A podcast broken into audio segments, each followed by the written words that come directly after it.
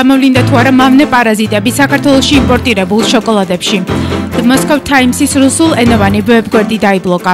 კუპიანსკის მერი, რომელმაც ქალაქი ოკუპანტებს გადასცა რუსეთში გაიქცა. Media Holding-ი ჰერეთი წარმოგიდგენთ ახალ ამბებს. ნინა ჩიხრაძესთან ერთად. ჩვენ ვხედით რეკლამას და ახალ ამბებს. საღამომშვიდობის. კახეთში ჟურნალის ალტინფოსთან ასოცირებული პარტია ემუქრება უფრო მეც გვეტყვის რადიო ჰერეთის კორესპონდენტი ხათუნა გულიაშვილი. საღამომშვიდობის ხათუნა გისმენთ.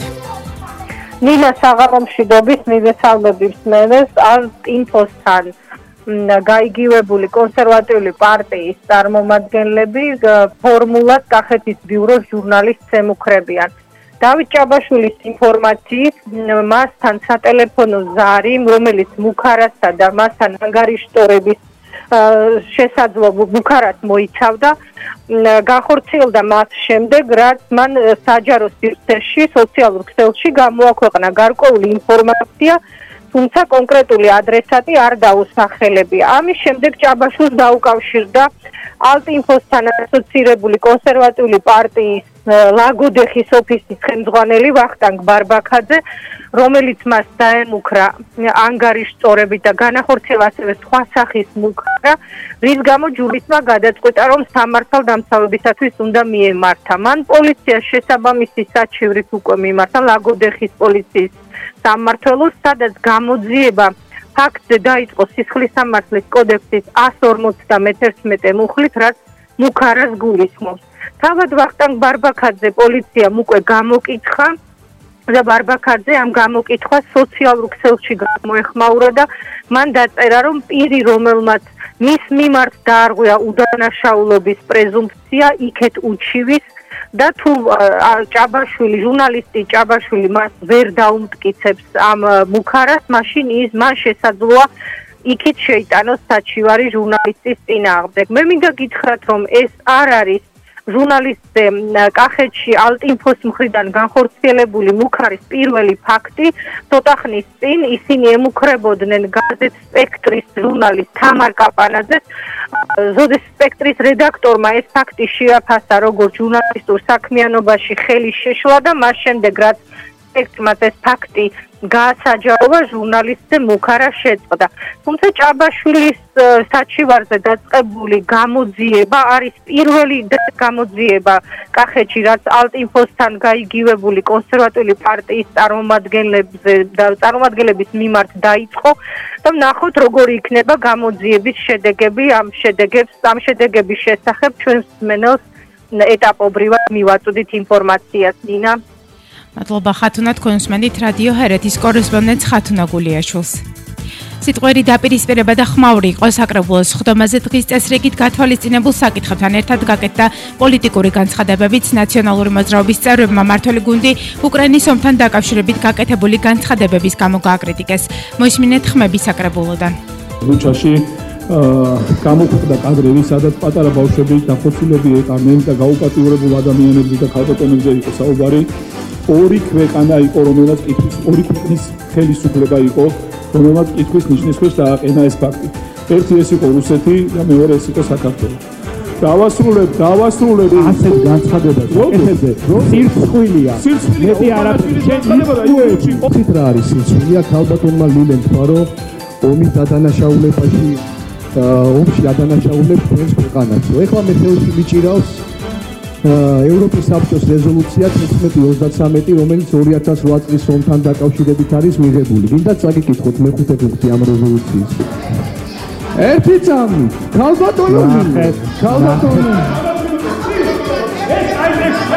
უფრო ბოლო პერიოდის განმავლობაში გარკვეული საკითხებთან დაკავშირა, კარგი, ქალბატონი, გადამაჩადე, რა გჭირს მართლა, ნო?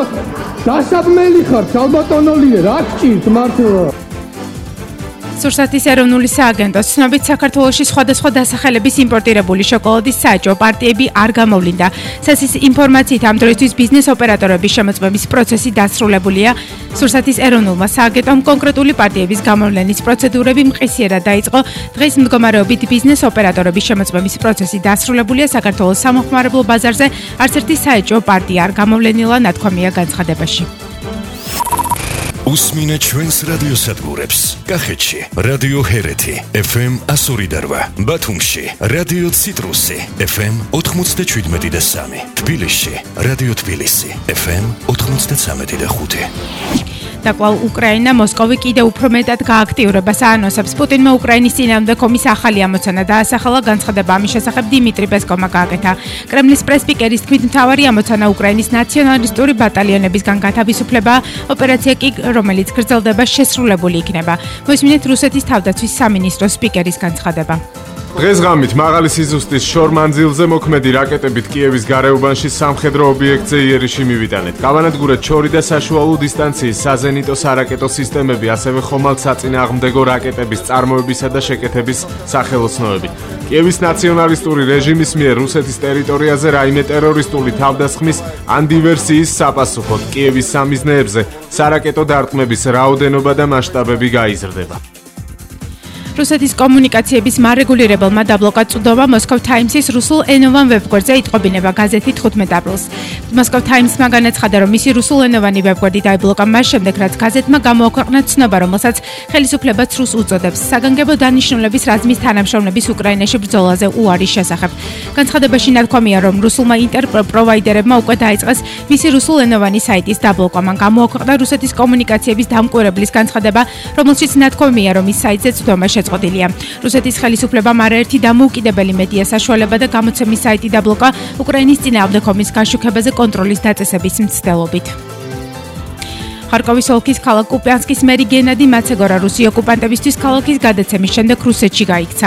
ხარკოვის ოლქის გუბერნატორის ოლექ სინეგუბის სინეგუბოვის ინფორმაციით ქალაქის მეტაური პირველი მოღალატე იყო. ჩვენი ინფორმაციით ის ოჯახთან ერთად უკვე გაემგზავრა რუსეთის ფედერაციის ტერიტორიაზე მან საჯაროდ განაცხადა რომ მხარს უჭერდა ოკუპანტებს თქვა სინეგუბოვმა. რუსმა სამხედროებმა ჩაძირული კრეისერის მოსკოვის ეკიპაჟის ევაკუაცია ვერ მოახერხეს, აცხადებს უკრაინის საზღვაო უსაფრთხოება. უწყობის წარმომადგენლის ნატალია გუმენიუკოს თქმით, შტორმის გამო ეკიპაჟის ევაკუაცია ვერ მოხერხდა. შეგახსენებთ, პარსებული ინფორმაციით კრეისერ მოსკოვის კაპიტანი ბორძე აფეთქების შედეგად დაიღუპა შავი ზღვის ფლოტის ფლაგმანი კრეისერი მოსკოვი გუშინ ჩაიძირა.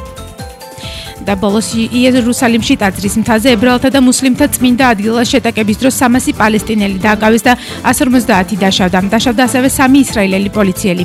შეტაკება გაგრძელდა 6 საათს, მასობრივი არეულობა დაიწყო 15 აპრილს დილით ადრე პარასკევის დილის ლოცვის დროს. ეს იყო მუსლიმთა წმინდა თვის რამადანის მეორე პარასკევის ლოცვა.